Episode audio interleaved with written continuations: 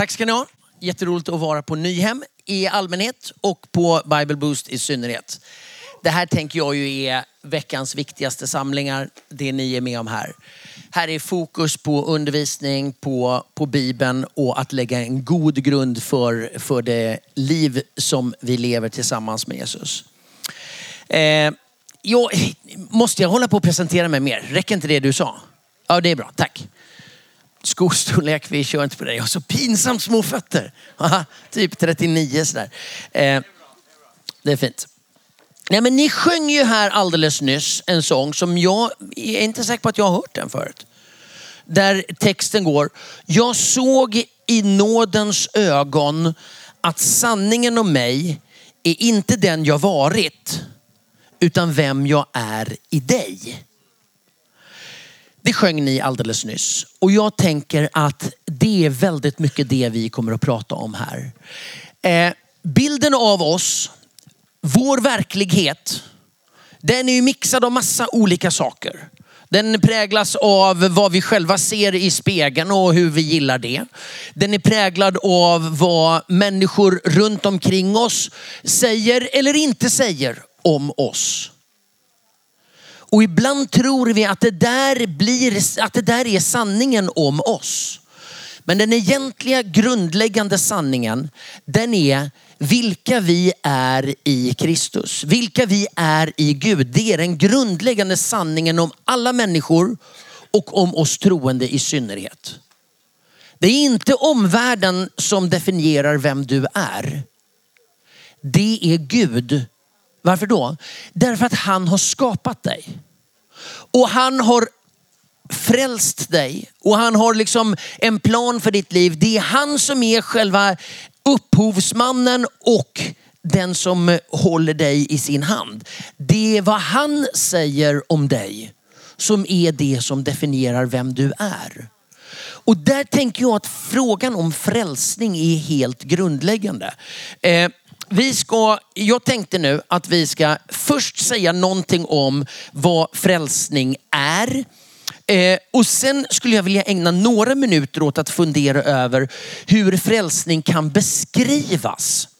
Därför att i Bibeln så ges ju en rad olika beskrivningar av det här. Det skulle jag vilja säga någonting om. Och så skulle jag vilja landa i någonting om vad det här betyder för oss eh, när det gäller att leva i frälsningen. Är det okej? Okay? Eller är det okej? Okay? så har jag förberett mig så ni får snällt hålla till godo. Eh, och jag vill börja i det helt grundläggande när det gäller all relation till Gud och i fråga om frälsningen i synnerhet. Nämligen att Gud älskar världen. Och jag tänker det är helt grundläggande att börja där. Därför att ibland så blir frågan om frälsningen en fråga om hur vi ska bete oss så att vi kan leva upp till den måttstock som vi eller någon annan har skapat av vad det är att vara frälst. Den helt grundläggande startpunkten när vi pratar om vad frälsning är, det är att Gud har älskat oss. Och jag tror att om jag citerar eh, Johannes evangelium 3 och 16 så tror jag att många av er känner igen. Gud älskade världen att han gav oss sin enda son så att de som tror på honom och så vidare. Ni känner igen den. Nu ska vi läsa den eh, och så några versar runt omkring. Så då slår vi upp Johannes evangeliet, det tredje kapitlet. Från vers 13 till vers 17 ska vi läsa. Och vet ni vad som har hänt? Jag la min bibel någonstans här på området och så gick jag iväg. Så den ligger någonstans eh, och blir förmodligen till glädje och välsignelse för någon annan. Men just nu är den inte till så mycket nytta för mig. Eh, så att jag ber om ursäkt att jag inte har en bibel att bläddra i. Eh, så är det. Vi läser i Johannes 3, 13 till 17. Ingen har stigit upp till himlen utom den som stigit ner från himlen, människosonen. Liksom Mose hängde upp ormen i öknen så måste människosonen upphöjas för att var och en som tror på honom ska ha evigt liv. Så älskade Gud världen att han gav den sin enda son för att de som tror på honom inte ska gå under utan ha evigt liv. Ty Gud sände inte sin son till världen för att döma världen utan för att världen skulle räddas genom honom. Några grejer från det här bibelsammanhanget. Gud älskar världen, det är den grundläggande utgångspunkten. Det är det frälsningen handlar om. Och då börjar den här, eh, den här texten. Vi såg i vers 13. Ingen har stigit upp till himlen utan den som har stigit ner, människosonen. Människosonen, det är ett sånt här eh, det är en sån här beteckning, ett sånt här ord som dyker upp i slutet på gamla testamentet. Och som blir en, ett begrepp för den här kombinationen av himmel och jord. När det här dyker upp i Danielsboken så är det, eh, det är ju en människa men det är också något gudomligt. Så när Bibeln använder ordet människoson så är det för att visa hur himmel och jord binds samman. Vi tänker ju att det där är väldigt stor skillnad och himlen ligger långt bort och jorden är här och det är helt separerat. När Bibeln talar om frälsning så bygger det på att Gud vill bygga samman de här så. Ingen har stigit upp till himlen utan den som också steg ner. Alltså Jesus som var i himlen steg ner och steg upp. Och den här texten vill säga, det, Gud, det som kommer att landa in i att Gud älskar världen så mycket så att han sänder sin enda son för att vi ska bli frälsta. Den tar sin startpunkt i att Gud är intresserad, inte att hålla världen på avstånd utan att bygga ihop att binda samman, att försona, att föra åter. Och därför blir begreppet människoson väldigt viktigt. Det är inte bara en människa som har en pappa. Då skulle man ju kunna tänka. En människoson, det är ju en människa som... Eh, alltså, nej, det här begreppet säger Gud handlar med människan, gör någonting med människan genom att själv bli människa. Startpunkten är alltså att Guds kärlek är sådan att han drar ihop, inte håller isär. Det nästa vi ser, det är en konstig koppling. Eh, liksom Mose hängde upp ormen i öknen. Man tänker så här, vad har de druckit som skrev det här? Ja men de, de har druckit vanligt vatten. Det är inga problem för det här kopplar till en berättelse i Moseböckerna. När Israels barn är ute och går i öknen så en dag så kommer det ormar in i lägret, giftormar. Och giftormarna börjar bita människorna och människorna börjar dö av det giftet. Då säger Gud till Mose, som ju var folkets ledare, då säger han, snida ihop en orm, en kopparorm. Och så sätter du den på en lång stång och så hissar du upp den mitt i lägret så att alla kan se ormen. Och alla som tittar på ormen, alla som fäster sin blick på ormen, de kommer att bli fria från giftet. Märklig berättelse, men så berättas det i, i Moseböckerna.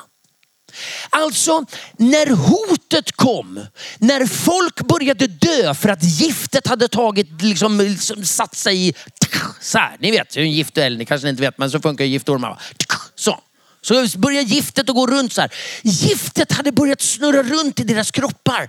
Men någonting hissas upp på en påle så om man bara sänder det en blick så blir man räddad. Liksom Mose hängde upp ormen i öknen så ska människosonen upphöjas. Vad handlar det här om tror ni? Det handlar ju om korset. Det här handlar ju om att när Jesus hängs upp på en påle så var och en som, som, som, som lite som bara tittar på honom, bara fäster sin blick, bara riktar sig mot honom så kommer man bli räddad från giftet. Syndens gift som har liksom krypit in. En orm har huggit oss och giftet cirkulerar i våra vener och blodomlopp. Och vi kommer att dö. Men Gud har hissat upp någonting på en påle som gör att om vi ser det så blir vi räddade. Vad vill den här då? Jag vill något. Vi tar bort den. Så. För att var och en som tror, fortsätter texten. För att var och en som tror på honom ska ha evigt liv. Var och en är viktigt. Det är alltså inte några stycken få, utan alla människor. Frälsningen är inte till för de som har hittat till Bible Boost en liksom eh, halvkylig torsdag förmiddag i juni 2018. Var och en. Guds tanke med frälsningen är inte att det gäller några få, utan Guds tanke med frälsningen är att det gäller alla. Det gäller var och en. Var och en som tror. Det här ordet är också viktigt. Den som tror på honom. Och då tänker man ju så här, vad betyder tro då? då? Ja, men jag vet inte om jag tror. Eh, och tror jag rätt? Och tror jag på? Det där ordet kan man ju liksom hålla på och böka lite grann med. Ja. Det, det grundbetydelsen av tro, det handlar om att lita på. Att fästa sin trygghet vid. Att liksom tro på att någonting, alltså tro inte i den meningen att jag, jag tror att det är sant. Utan jag, det är trovärdigt. Hänger ni med? Hänger ni med på skillnaden? Om man använder finspråk så skulle man kunna säga så här. Att en del av tro handlar ju om försanthållande, att man tror att något är sant. Men den grundläggande betydelsen handlar inte om, ja jag tror att det är sant, utan jag litar på det. Det är någon som är trovärdig och jag litar på vad den säger. Det är själva huvudbetydelsen. Så var och en som liksom litar på Gud. Och så kommer ni ihåg berättelsen från Moseböckerna med ormen. Var och en som ligger där och är på väg att dö och så lite som bara tittar upp på ormen. Var och en som bara litar på att Gud älskar oss. Den kommer bli räddad. Och så kommer då den här nyckelversen i vers 16. Att Gud sände sin son till världen för att han älskade världen. Det var inte för att han var sur på ondskan. Det var han ju också. Det var inte för att han ville vinna striden. Det skulle han också göra. Det var ingenting annat som låg till grund för detta än att han älskade världen. Han älskade dig och mig Kärlekens grund, det, nej, frälsningens grund är kärleken. Och därför blir det helt avgörande när vi landar in i vers 17. Att Gud sände inte sin son för att döma världen utan för att världen skulle bli räddad genom honom. Nu har vi liksom bökat runt lite grann här i, eh, i Johannes eh, det tredje kapitlet. Jag hoppas att ni hängde med. Det här är en av de texter som gör frälsning, frälsningen väldigt tydlig. Och det jag vill verkligen att ni ska liksom landa i och förstå. Det är frälsningens grund. Det är Guds kärlek till, till oss. Där i andra tältet så verkar de ha roligare. Eller hur ska man, hur ska man förstå det här? Det, ja, men ni kanske får dansa lite grann sedan. Men vem vet? Det kan bli så. Gud älskar och därför frälser han. Vi läser i Jeremia, och det här tänker jag, det här kan ni anteckna, men behöver inte nödvändigtvis slå upp det. Jeremia 31 och 3. Med evig kärlek älskar jag dig. Därför har jag så länge visat dig godhet. Ni som är eh, så gamla som jag, det är ju nästan ingen annan här i lokalen som är det. Eh, men det finns en gammal sång så här, med evig kärlek har du älskat mig. Därför låter du din nåd förbliva över mig. Känner ni, är det någon som känner igen den? Några stycken. Det är den här texten i en annan översättning. Guds nåd vilar på hans kärlek. Och i Romarbrevet så skriver Paulus så här. I Romarbrevet, det femte kapitlet, från vers 5 och till vers 10. Lyssna här nu noga. Det här är ju helt ja, men det här är strålande helt enkelt.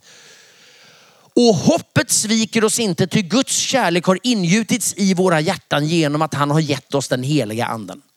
Medan vi ännu var svaga dog Kristus för alla gudlösa när tiden var inne.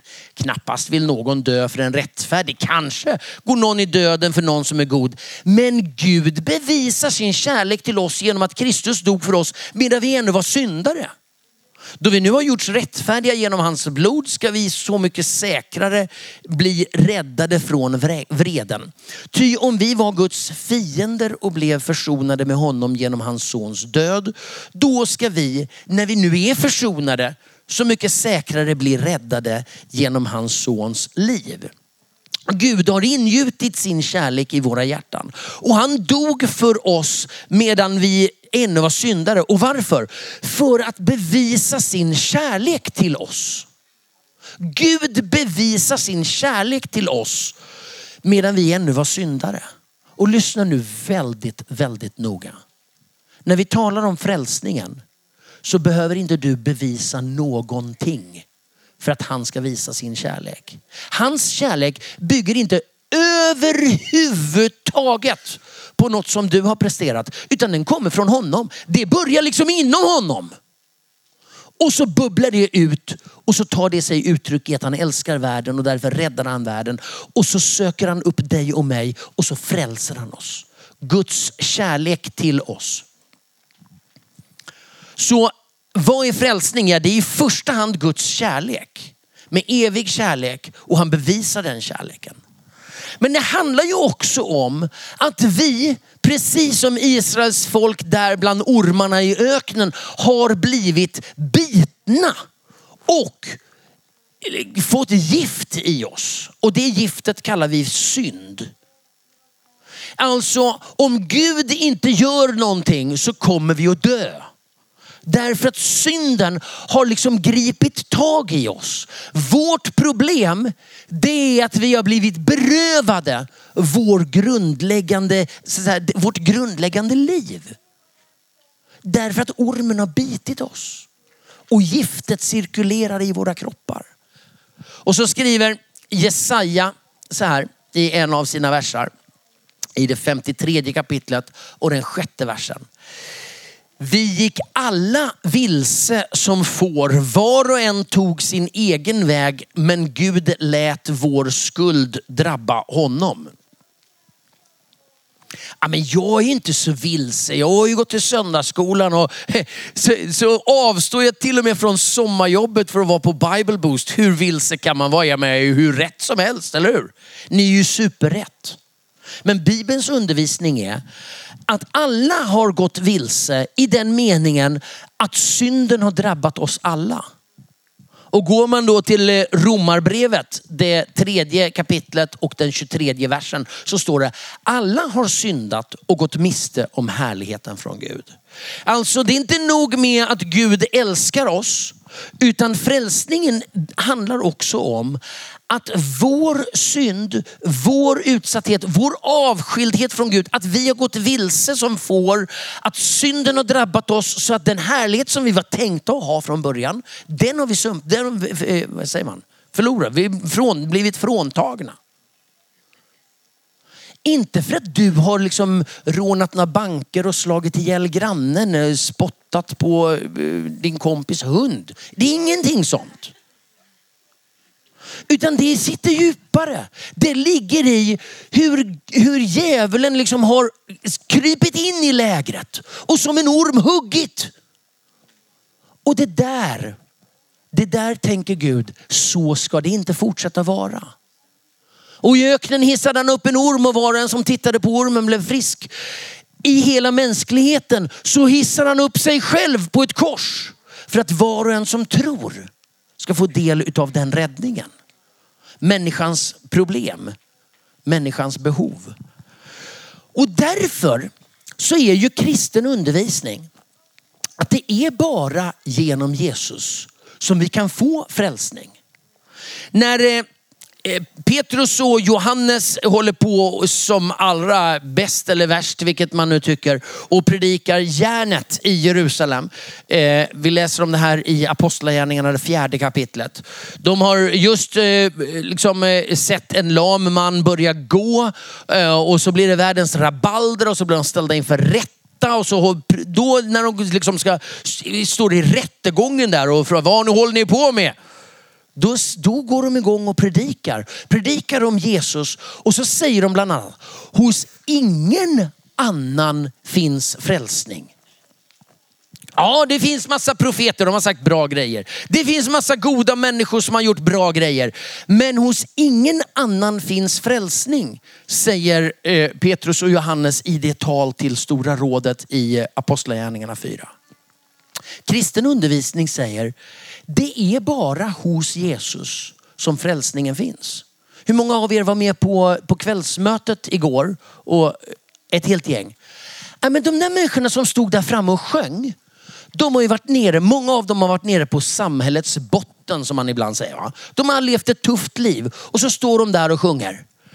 Vem kan rena varje sår? Bara Jesus kan. Och så är det, drar de i massa olika. Vem kan göra det här och vem kan göra det här? Och jag kan inte hela texten. Va?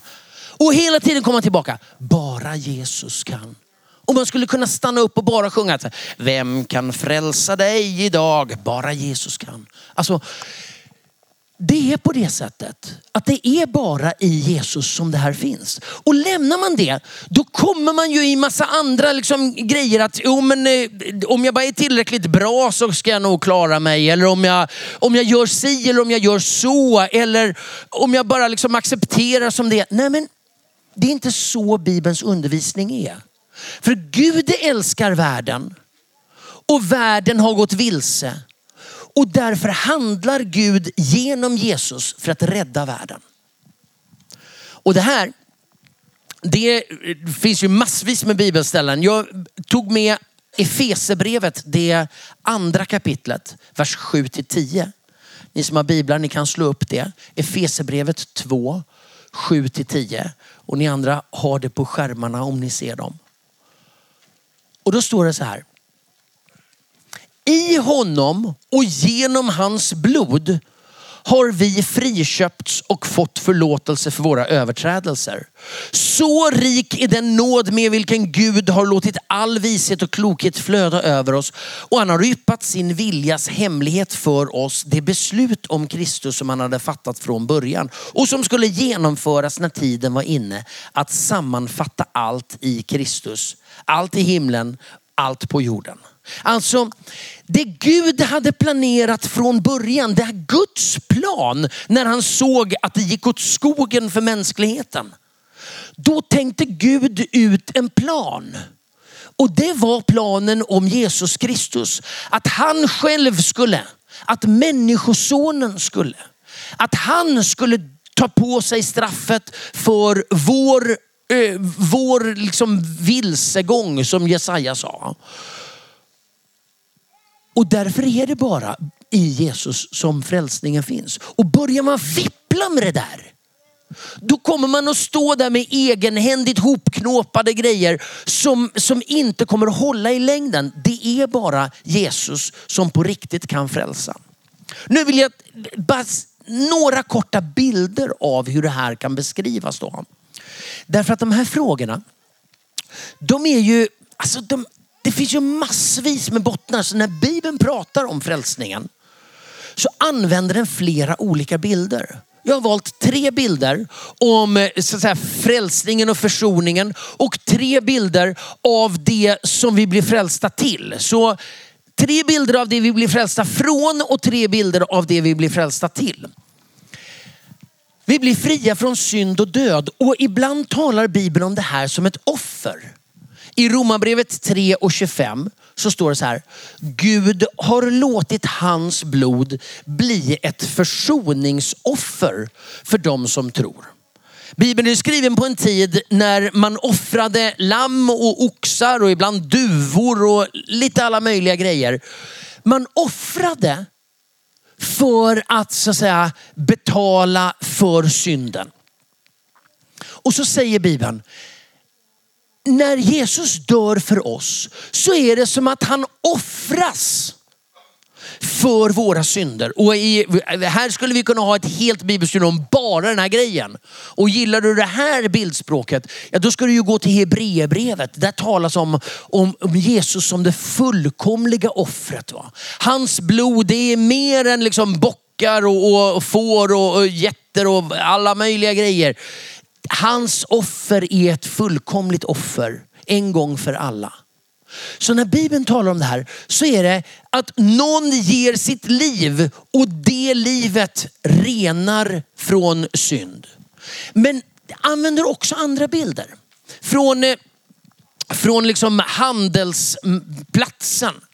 Det står i Markus eh, 10 och 45 att, att Jesus har kommit Eh, för att söka upp det som var förlorat och ge sitt liv till lösen för många.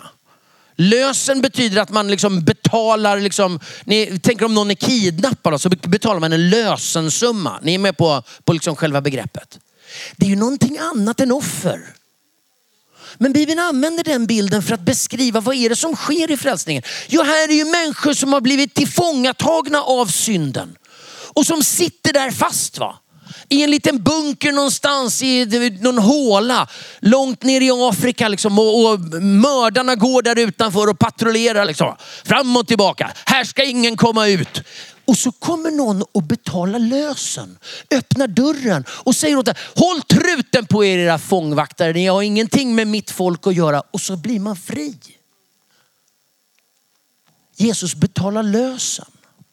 Ytterligare ett, eh, ett, ett sånt bildspråk är ju när Bibeln talar om att här är det en kamp. Det är på liv och död. Det här är på riktigt. Och därför så står det i Kolosserbrevet, han avväpnade härskarna och makterna och utsatte dem för allas förakt när han triumferade över dem i Kristus. Här är ju bilden från liksom slagfältet. Liksom. Här är det två arméer som står så här, så här, så här, och här borta står det. Och så kommer Jesus in bara så här. Skärp er! Och bind, ja, hur han nu gjorde. Alltså, han dog ju. Men alltså, frälsningen beskrivs som att han tar den här onda makten och bara vrider nacken av dem och säger skärp er. Ni har ingenting med människorna att göra. Det är mitt folk. Människorna är mina och det är jag som älskar dem. Och ni ska inte hålla på och eh, hålla på. Är ni med? Och så beskrivs frälsningen som hur Gud går i en kamp med ondskan för att vinna seger. Och så vinner han seger och så utsätter han dem liksom för, och här, ja. Vad blir vi frälsta till då? Ja, Bibeln beskriver det som att vi blir frälsta till att ett sådant ord som återvänder, återkommer gång på gång. Det är ju, vi blir rättfärdiggjorda. Och du som brukar läsa din bibel, du har ju sprungit på det här ordet massvis med gånger. Då står det så här i Romarbrevet 5 och 1. Då vi nu har gjorts rättfärdiga genom tron har vi frid med Gud genom vår Herre Jesus Kristus.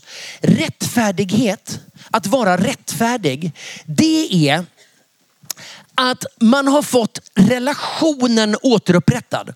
Om du och jag, vi är, vi, vi är ju superschyssta polare. Kolla här, ser ni hur bra polare vi är? Vi är ju jättekompisar. Vad heter du? Mattias. Mattias. Man, man har ju alltid känt Mattias, eller hur? Va? va? Det är ju en super... Men, men så bara... Så här. Det är ju ingen schysst liksom. Vet ni vad Mattias gör då? Då kommer... Jag är ju en ond och dålig människa. Jag har ju sparkat ner honom. Mattias och jag var ju, järn, vi var ju superpolare. Så kommer Mattias och så säger han så här, kan inte vi vara vänner igen? Och när vi slår armkrok igen, då har jag blivit rättfärdig. Rättfärdig är, här, det är liksom begreppet när den brustna relationen har återskapats. När vi är kompisar igen, när vi liksom säger, ja ah, men okej, jag ska aldrig göra så här mer. Eh, bra, bra, bra jobbat. Det, nej men alltså, förstår ni? Så när Bibeln beskriver vad är det som händer? Jo, det är att den här brustna relationen, det här som gick sönder mellan Mattias och mig, det är återskapat. Därför sände Gud sin son för att rädda världen, för att återskapa relationen. På ett annat ställe så beskrivs ju det här som pånyttfödelse. Känner ni det? Nu ska vi bli pånyttfödda. Det, den här texten vi började med i Johannes 3, den börjar ju i ett samtal med Nikodemus. Där de börjar prata om, och Nikodemus, han var, han var laglig, han var en supersmart kille. Han hade gått i skola hur länge som helst. Och han var liksom topplärare på universitetet. Och så börjar Jesus prata om hur man ska bli pånyttfödd och man ska få nytt liv och han fattar ingenting. Allvarligt talat, det här känns riktigt, riktigt obehagligt. Menar, alltså jag vet hur det här går till med barn och sådär. Jag vet hur det gick till när jag föddes. Hur menar du på riktigt? Ska man liksom krypa in? Nej, det här... På riktigt, är det det samtalet de för? Det känns ju jättekonstigt. Allvarligt talat, Jesus men Nej, men är du helt skön i huvudet, säger Jesus. Är du laglärare och du fattar inte det här? Den som, blir, den som tar emot livet från Gud, den blir som född på nytt. Och så beskrivs det nya livet som att man, det är helt nytt. Och därför är det inte konstigt när vi går till, Roma, eh, till eh, andra Korinthierbrevet, den sista eh, Eh, texten här. Så talas det om att den som är i Kristus är alltså en ny skapelse. Det gamla är förgånget och något nytt har kommit. Och så beskrivs försoningen, livet, som att vi är nya skapelser. Och jag tänker så här, jag ska alldeles strax sluta så ni kan vara lugna. Eh, frälsningen, när vi pratar om frälsningen så behöver Bibeln använda en, ett, ett, antal olika texter, ett antal olika språk, ett antal olika bilder. För att detta mysterium, när Gud blir människa och dör för vår skull, så är han ett offer. Så är han en betalning. Så, så genomför han en kamp som han vinner. För att du och jag ska få ett nytt liv bli nya skapelser och återfå relationen mellan Mattias och mig om ni hänger med. Det ligger alltså på, det, det är så stort så att det finns inte ett språk för detta utan det finns många. Och därför behöver man lägga de här bilderna ihop. Så stor är frälsningen. Och när vi då lever i det här så får ju det en rad, eh, en rad olika, vad ska man säga, eh, nu höll jag på att säga implikationer och det är ju ett helt olämpligt ord. Eh, en, rad olika konsekvenser. Tack. En rad olika konsekvenser. Det handlar om att du och jag, vi, vi tillhör Gud. Du behöver aldrig tänka så här, åh frälsningen, det gäller att hålla fast här nu så alltså han inte springer iväg den här rackaren. Man vet, Gud vet inte riktigt var han tar vägen. Han kan ju, så, håll i dig nu va. Nej! I frälsningen så tillhör du Gud. Och Romarbrevet i åttonde kapitlet säger, ingenting i skapelsen kan skilja oss från Guds kärlek i Jesus Kristus. Varken makter i höjden eller i djupet. Ni känner igen det här? Varken död eller liv. Sjunger ni den fortfarande? Eller var det på min tid? Nej, man sjunger inte den. Det var på min tid. Ja. Nu du behöver, när du är frälst så behöver du aldrig tänka så här, åh, tänk om jag tappar det här. När har du, alltså, eh, vad heter din farsa? Gunnar. Hur många gånger har du funderat på, åh, här går man omkring som Mattias genom livet. Undrar, undra när man blir utslängd från Gunnar. Undrar när man inte längre får vara Gunnars barn. Ja, man hade ju gärna velat fortsätta vara Gunnars barn. Ja? Nej men så tänker ju inte du. Utan det här är ju helt självklart. När man är Guds barn så tillhör man ju honom. När man är Gunnars barn så tillhör man honom. När man är Guds barn så tillhör man honom. Du behöver inte liksom tänka så, åh det gäller att hålla i sig så man inte tappar taget. Du tillhör honom. Så funkar frälsningen. Den bygger på nåd, inte vad du har gjort utan vad han har gjort. Men du ska inte inbilla dig att det där innebär att sen är det bara att glida på en räkmacka genom livet. Här är glass och tårta varje dag. Utan det kommer att vara ett antal problem. Det kommer, det kommer dyka upp grejer i ditt liv. Så även om man är Guds barn så är man inte problemfri. Du kommer att ha en massa kamp att utkämpa. Men det betyder inte att nåden är slut för det. För frälsningen håller för det. Men det är en ny skapelse. Det innebär Gud vill ju plantera sig själv i ditt tänkande så att du börjar tänka och vilja det Gud vill. Det här är ju något pågående och därför säger nu, identitet, jag skriver, hänger man med om jag, om jag skriver identitet och process? Hur, hur obegripligt är det på en skala? Fattar man? Nej. men jag ska förklara vad jag menar. Alltså identitet är ju någonting man är. Alltså det är något man har. Men det kristna livet är ju också någonting som pågår. I Johannes första brev så står det så här. Tänk vilken kärlek Fadern har visat att vi får vara hans barn. Det är vi, säger han. Och sen fortsätter han. Men det har ännu inte blivit uppenbart vad vi kommer att bli. Alltså, vi är Guds barn. Men Mattias, är det okej? Okay? Vi fortsätter att använda dig som exempel. Kolla här, ställ dig upp här. Kolla här. Det här grabben, det är ju, det är ju en rejäl kille. Eller hur? Han såg ju inte ut så här när han var sju. Eller? Nej. Nej men det har hänt grejer va? Du tänker annorlunda nu, du är annorlunda nu, du har mer skägg. Alltså, han har ju hela tiden varit Gunnars barn. Tack. Han har ju hela tiden varit Gunnars barn. Men steg för steg, så han har inte blivit mer Gunnars barn. Han är ju lika mycket Gunnars barn, men han har ju mer skägg. Han kan mer grejer. Han har mognat. Han är klokare. Han fattar vettigare val. Är han mer eller mindre Gunnars barn? Lika mycket. Vi har alltså en identitet, vi är någonting och sen så pågår det så att vi blir mer och mer lika honom. Så funkar ju frälsningen.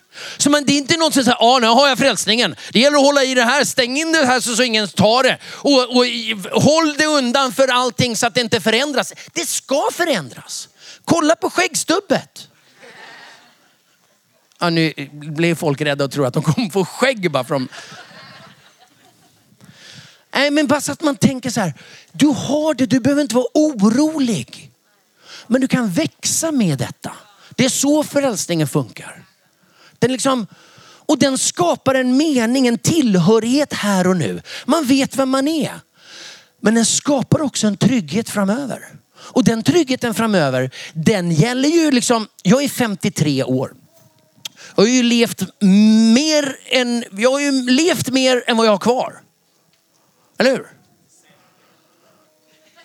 Ja, du vet. Man vet aldrig. Men eh, så känns det i alla fall. Eh, nej men det är klart att frälsningen den ger mig ju trygghet för det här livet. Steg för steg jag vandrar. Jag har ju gått igenom massa tuffa passager i mitt liv. Men frälsningen ger mig trygghet i de här passagen. Men den, det här, den texten som vi utgick ifrån. För att var och en som tror på honom ska ha evigt liv. Alltså inte liv som bara stannar här och nu och ger liksom lite extra göttigt här. Det gör det också. Men det sträcker sig in i evigheten. Så frälsningen den är inte bara för evigheten. Det är inte bara för att liksom, åh nu är jag skönt. Åh, nu har jag en biljett till himlen. Nu, nu kan jag liksom sätta mig ner och vila. Nej men frälsningen, den skapar ju trygghet. Den ger ju en mening här och nu. Du behöver inte jaga och kämpa utan du vet vem du är i Kristus. Men den ger dig också en trygghet framöver. Och om allt detta, mina kära ungdomar, skulle jag ju gärna prata i ett par timmar till, minst. För det här är så otroligt viktigt. Att du landar i tryggheten och frälsningen. Men eh, jag har redan gått över min tilldelade tid. Så nu är det dags för mig att vara absolut tyst.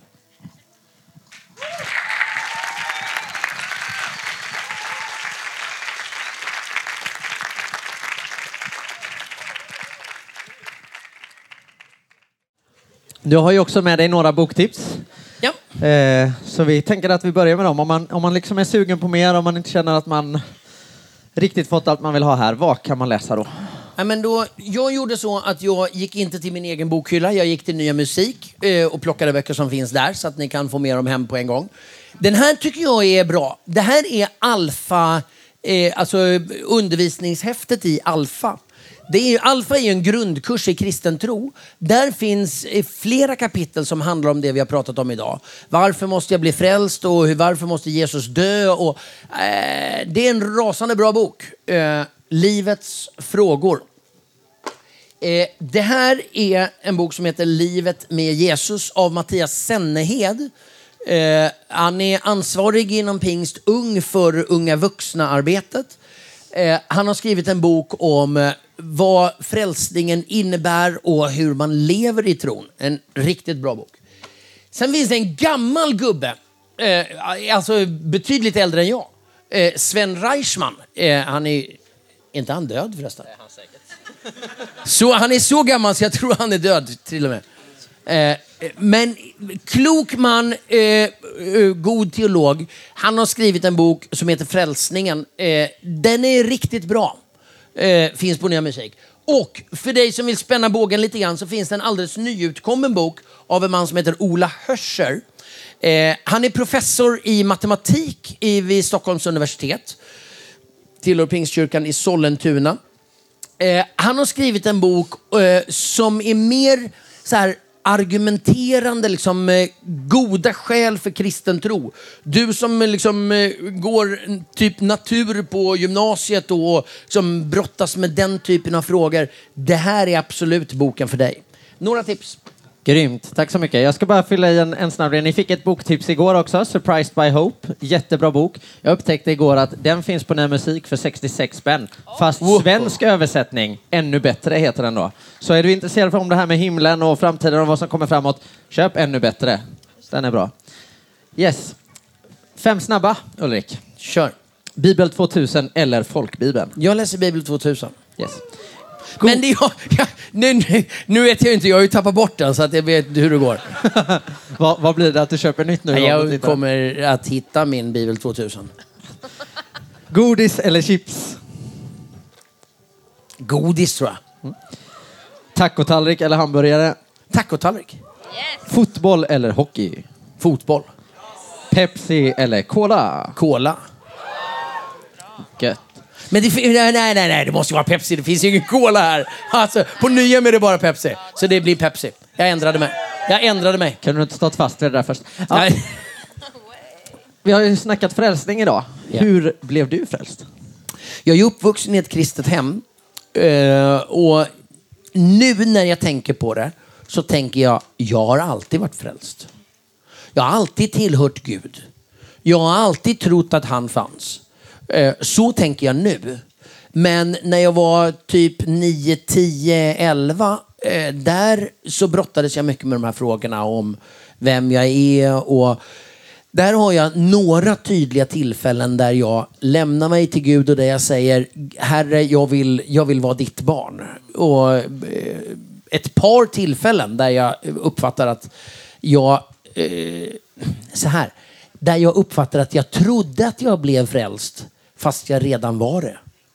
Det kan vara nog så viktigt. Alltså att man har så här, även om man tillhör Gud och är frälst, att man har tillfällen där man liksom kan vila det här, den här tillhörigheten i. Eh, fattar du? Jag tror jag förstår precis. Jag känner nog ganska mycket likadant. Eh, och ändå kan det vara skönt att ha den där stunden när det, ja, men det handlar inte bara om vad mamma och pappa har sagt. Det handlar om vad jag Exakt. tror. Vad jag sätter min tillit till. Ja, det har eh, rullat in några frågor här. Den här kanske vi ska börja med då, som är mer grundläggande. Då är det en som undrar vad frälsning exakt betyder eller är. Att vara frälst. Om du kan sätta några andra ord på det eller? Ja, flera bibelöversättningar eh, använder ju inte ordet frälsning utan använder ordet rädda. Eh, att, eh, om vi håller oss till det Eh, så den, den som blir räddad eh, den är ju utsatt för fara. Och i det här fallet livsfara. Mm. och så är det någon utanför mig som genom att göra någonting för mig tar mig ur livsfara. Och det, är, det är ju själva grundförståelsen av, av ordet frälst, eh, både, på, eh, både på, alltså på alla språk egentligen. Just det.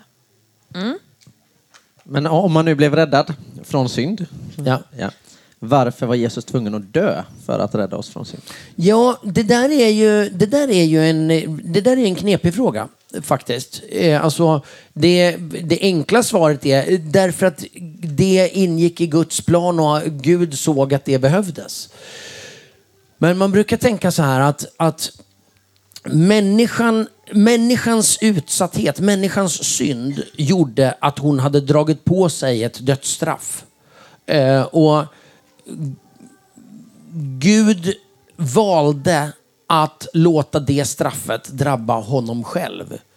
Eh, han kunde inte bara upphäva straffet, för då skulle ju så att säga hela, eh, då riskerar ju hela eh, hela, lag, hela systemet att, att krackelera. Jag menar, eh, om, eh, om, om, du, eh, om du snor en chipspåse på Konsum eh, så tar eh, de dig och så eh, utdömer de en bötesstraff till dig. Då skulle man kunna säga så här, ah, det där var bara ett misstag, det var inte så farligt, vi kan väl bara, vi kan väl bara stryka det där. Sådana samhällen som där, där de som leder samhällena bara stryker grejer för att de, eh, de liksom vill det eller kanske får betalt under bordet eller de ändrar sig. De kallar vi för korrupta. Alltså Gud har skapat ett system, Gud har skapat en, en världsordning, ett, liksom en, en skapelse som bygger på att vi tillhör honom. Och när synden bryter den tillhörigheten så hamnar vi istället under döden. Och för att befria oss från döden var han själv tvungen att gå in i döden för att hämta loss oss från det. Eh, så brukar man tänka kring, eh, kring varför Jesus måste dö. Ja, det är lite klurigt. Ja men det är det ju, för jag menar, det är klart att man kan, man, jag har ju tänkt så här ganska många gånger. Men kom igen nu! Det är, alltså, vore det inte enklare, ha- hade, kunde inte komma på någon, kunde inte komma på någon smartare lösning. Det där var väl alltså ett kors och en död och massa blod. Det där, men fanns det ingen liksom... Ah. Och det där blir ju... Det blir väldigt konstigt om vi liksom sätter oss upp mot Guds plan och Guds tanke då. Och, och grundförståelsen är ju just det här att synden var så allvarlig att den, krä, den, den, liksom, den hade skapat död i våra liv. Och för att få loss oss från den dödens grepp så gick Gud själv in i vårt ställe, in i det som var vår död för att komma ut på andra sidan. Liksom. Ibland brukar det där beskrivas som att eh, vi är fångna i liksom döden och döds... Eh, liksom, ja, i döden och synden. Va? Gud går in genom Jesus i det rummet och så bara sparkar han upp bakdörren. Liksom, va? Det öppnar, tömmer, liksom, tar hål på väggen. Det här som var ett slutet rum där då, han som är livet. Han, han liksom han bara tog död på döden. För vår skull. Och därför måste Jesus dö. För att vi var döda genom våra överträdelser. Och för att vi skulle vara del av livet så dog han och förde liksom in liv i döden så att, så att det blev liv istället för död. Mm. Men när vi är inne på, um, det är några som skriver här om frälsning. Hur vet man att man är frälst? Och hur kan jag visa eller hjälpa någon annan till frälsning och visa Gud? Alltså, hur vet man att man är frälst? Där är eh, den första och den mest grundläggande. Det är eh, för att Gud har sagt det. Alltså, var och en som tror på honom ska bli räddad. Men åt alla de som tog emot honom gav han rätten att bli Guds barn, står på ett annat ställe. Alltså, eh, den grundläggande saken är därför att Gud har sagt det. Och därför att du kan lita på Gud. Ganska ofta kan vi liksom känna oss trygga i det där. Ganska ofta kan vi känna, åh vad skönt det är att tillhöra Gud. Men inte alltid och det är, inte, det är inte hur du känner inför vad Gud har gjort för dig som är, som är grunden för.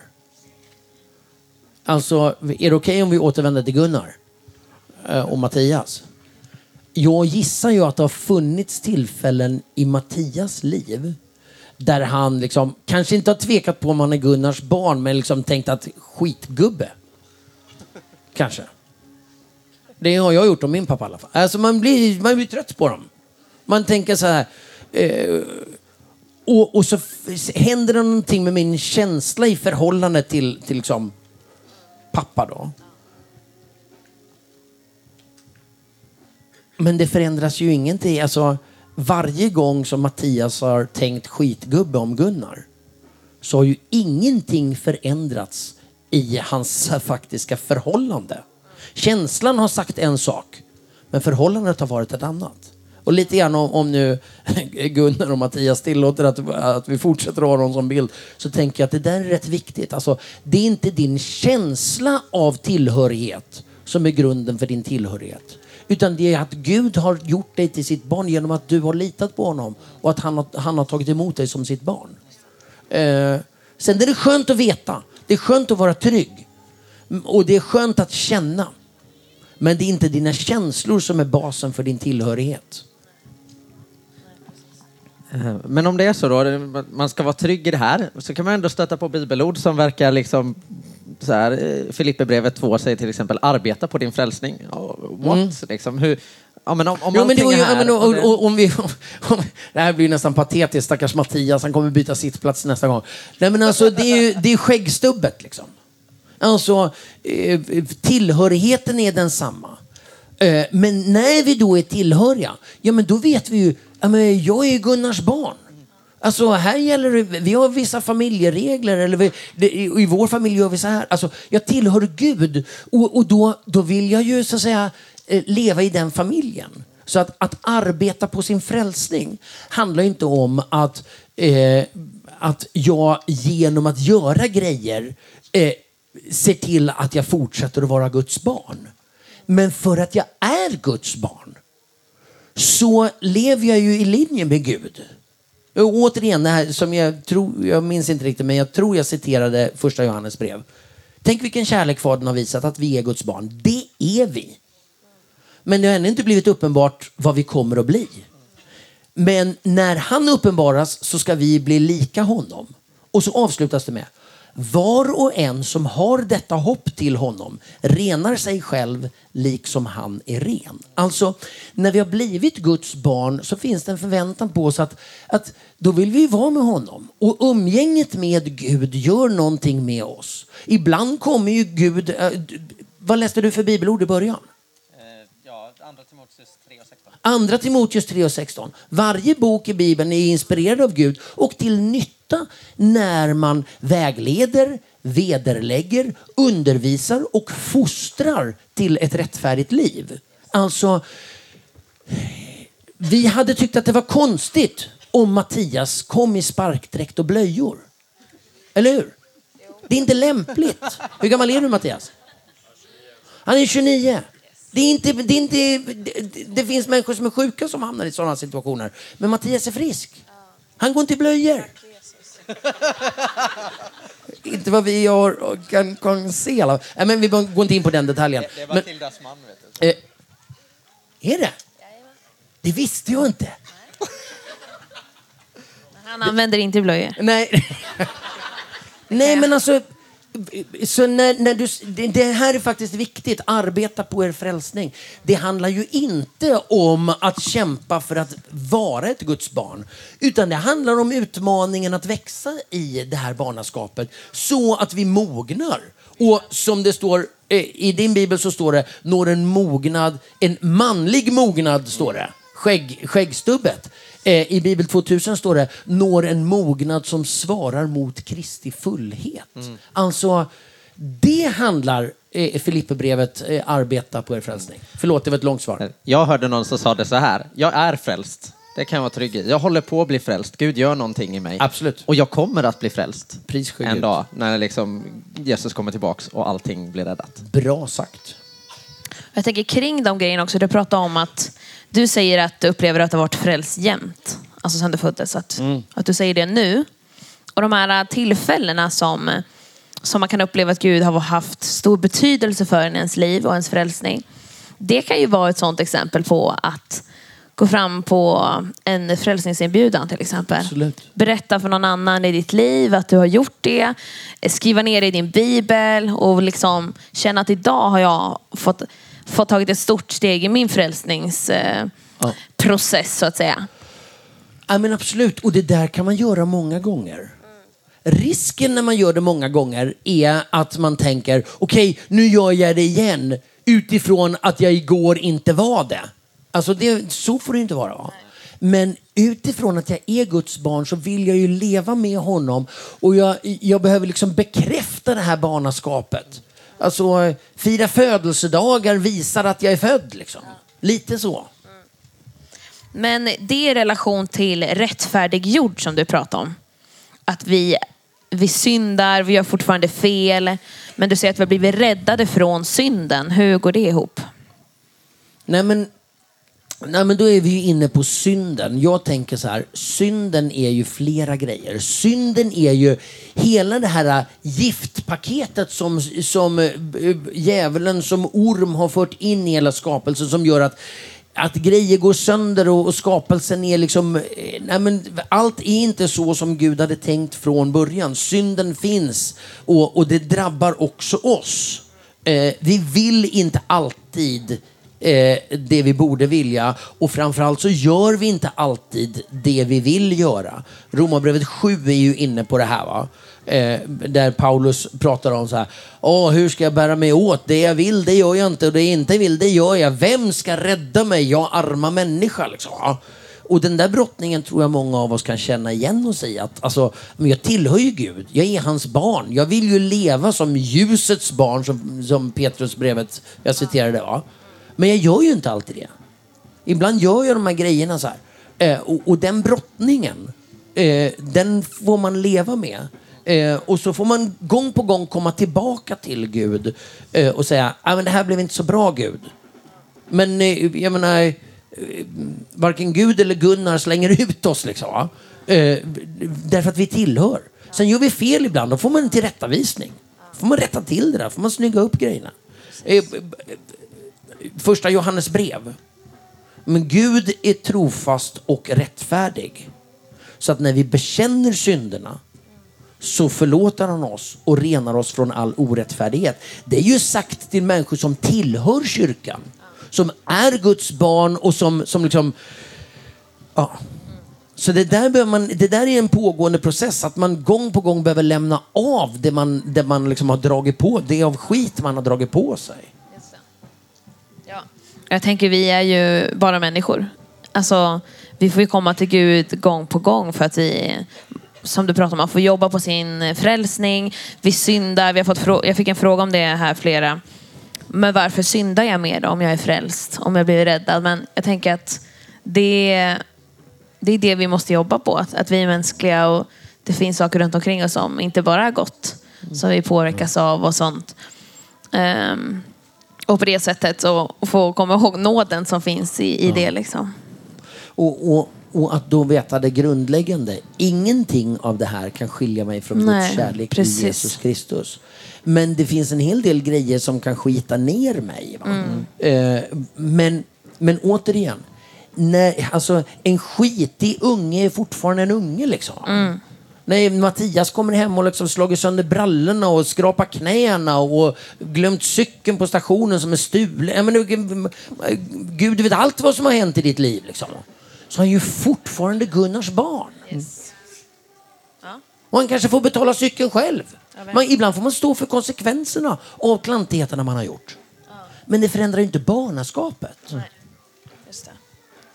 Ska vi gå in i en sista fråga som vi vill plocka upp med tanke på rubriken på den här dagen också. Och det är ju, vi har pratat om att bara Jesus är den som ger frälsning. Då är det flera som har skrivit här, men vad säger man till sina kompisar då?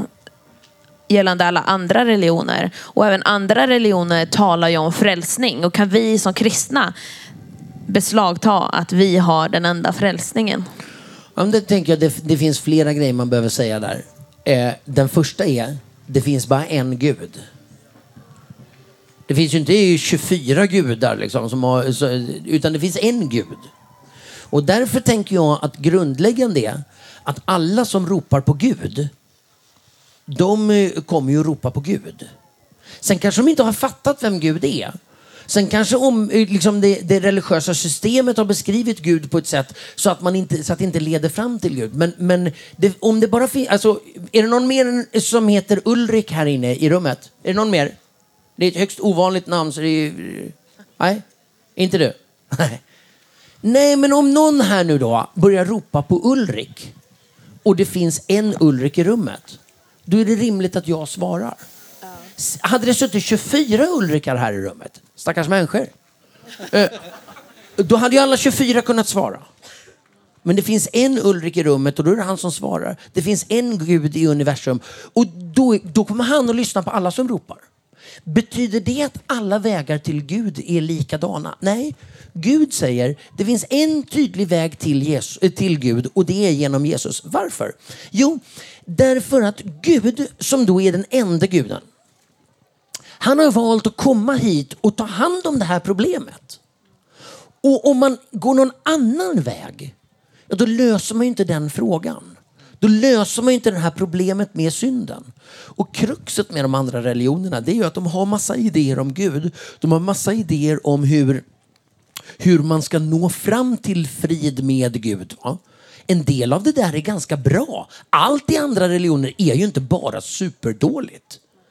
Men som frälsningsväg så är de otillräckliga därför att de bygger i grunden på att det är vi som tar oss till Gud.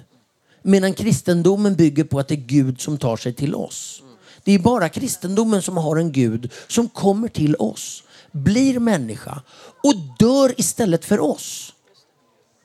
Medan de andra religionerna i väldigt hög grad säger Gud sitter där och han har en del standarder som du behöver leva upp till och om du gör si och så och så och si så kommer det här nog att fixa sig. Men Bibeln säger ju Gud har skapat världen och han har vissa standarder. Och de kommer vi inte i egen kraft att nå upp till och därför har han själv kommit och löst vårt problem.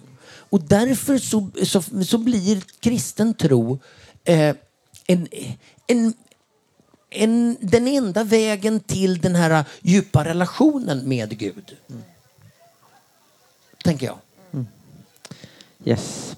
Det finns säkert massor av mer frågor i rummet. Ni ska alldeles strax få gå ut och samtala. Men är det så att du har fler frågor och funderingar kring Bibeln och så, så finns det en bra grej man kan göra som jag vet att Ulrik brinner lite extra för utifrån att du är ledare för pingskolorna och lite annat sådär. Kan du inte berätta om det? Du menar att eh, be till Gud? Ja, det brinner också för. Nej, men, men jag, eh, nej, men jag, tyck, jag tycker ju att det är superviktigt att se till att man går bibelskola. Eh, flera av, jag, min snabba okulära besiktning utav auditoriet gör ju att, nej men när jag tittar på er så tänker jag så här, eh, de flesta av er går nog i skola fortfarande. Men då tänker jag så här, när du planerar ditt liv och din karriär, när du funderar på hur höga betyg måste jag ha för att komma in på den utbildning som jag vill efter gymnasiet eller hur snabbt kan jag bli av med den här skiten så jag kan börja jobba eh, se till, oavsett vad du har för tankar om din framtid, om ditt liv och din karriärväg. Se till att du planerar in och tar tid för ett år på bibelskola. Jag tror att det är jätteviktigt. Det lägger en god grund för att liksom eh, vara 29 år och sitta på första raden på Bible Boost. Alltså, det, eh, du vill inte vara en kristen som när du är 35 har tron lite grann där vid sidan av. Och då bör man lägga ordentliga grunder. Att gå på Bible Boost på Nyhemsveckan, det är superbra.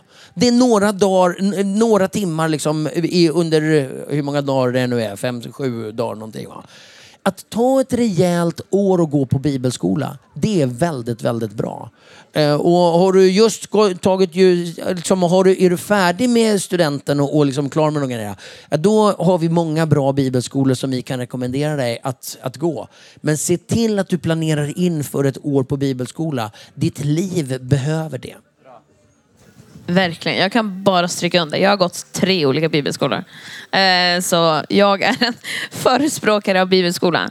Det, det för, förvandlar liv, verkligen. Det ger dig så mycket gott i livet som du kan stå på senare också. Verkligen.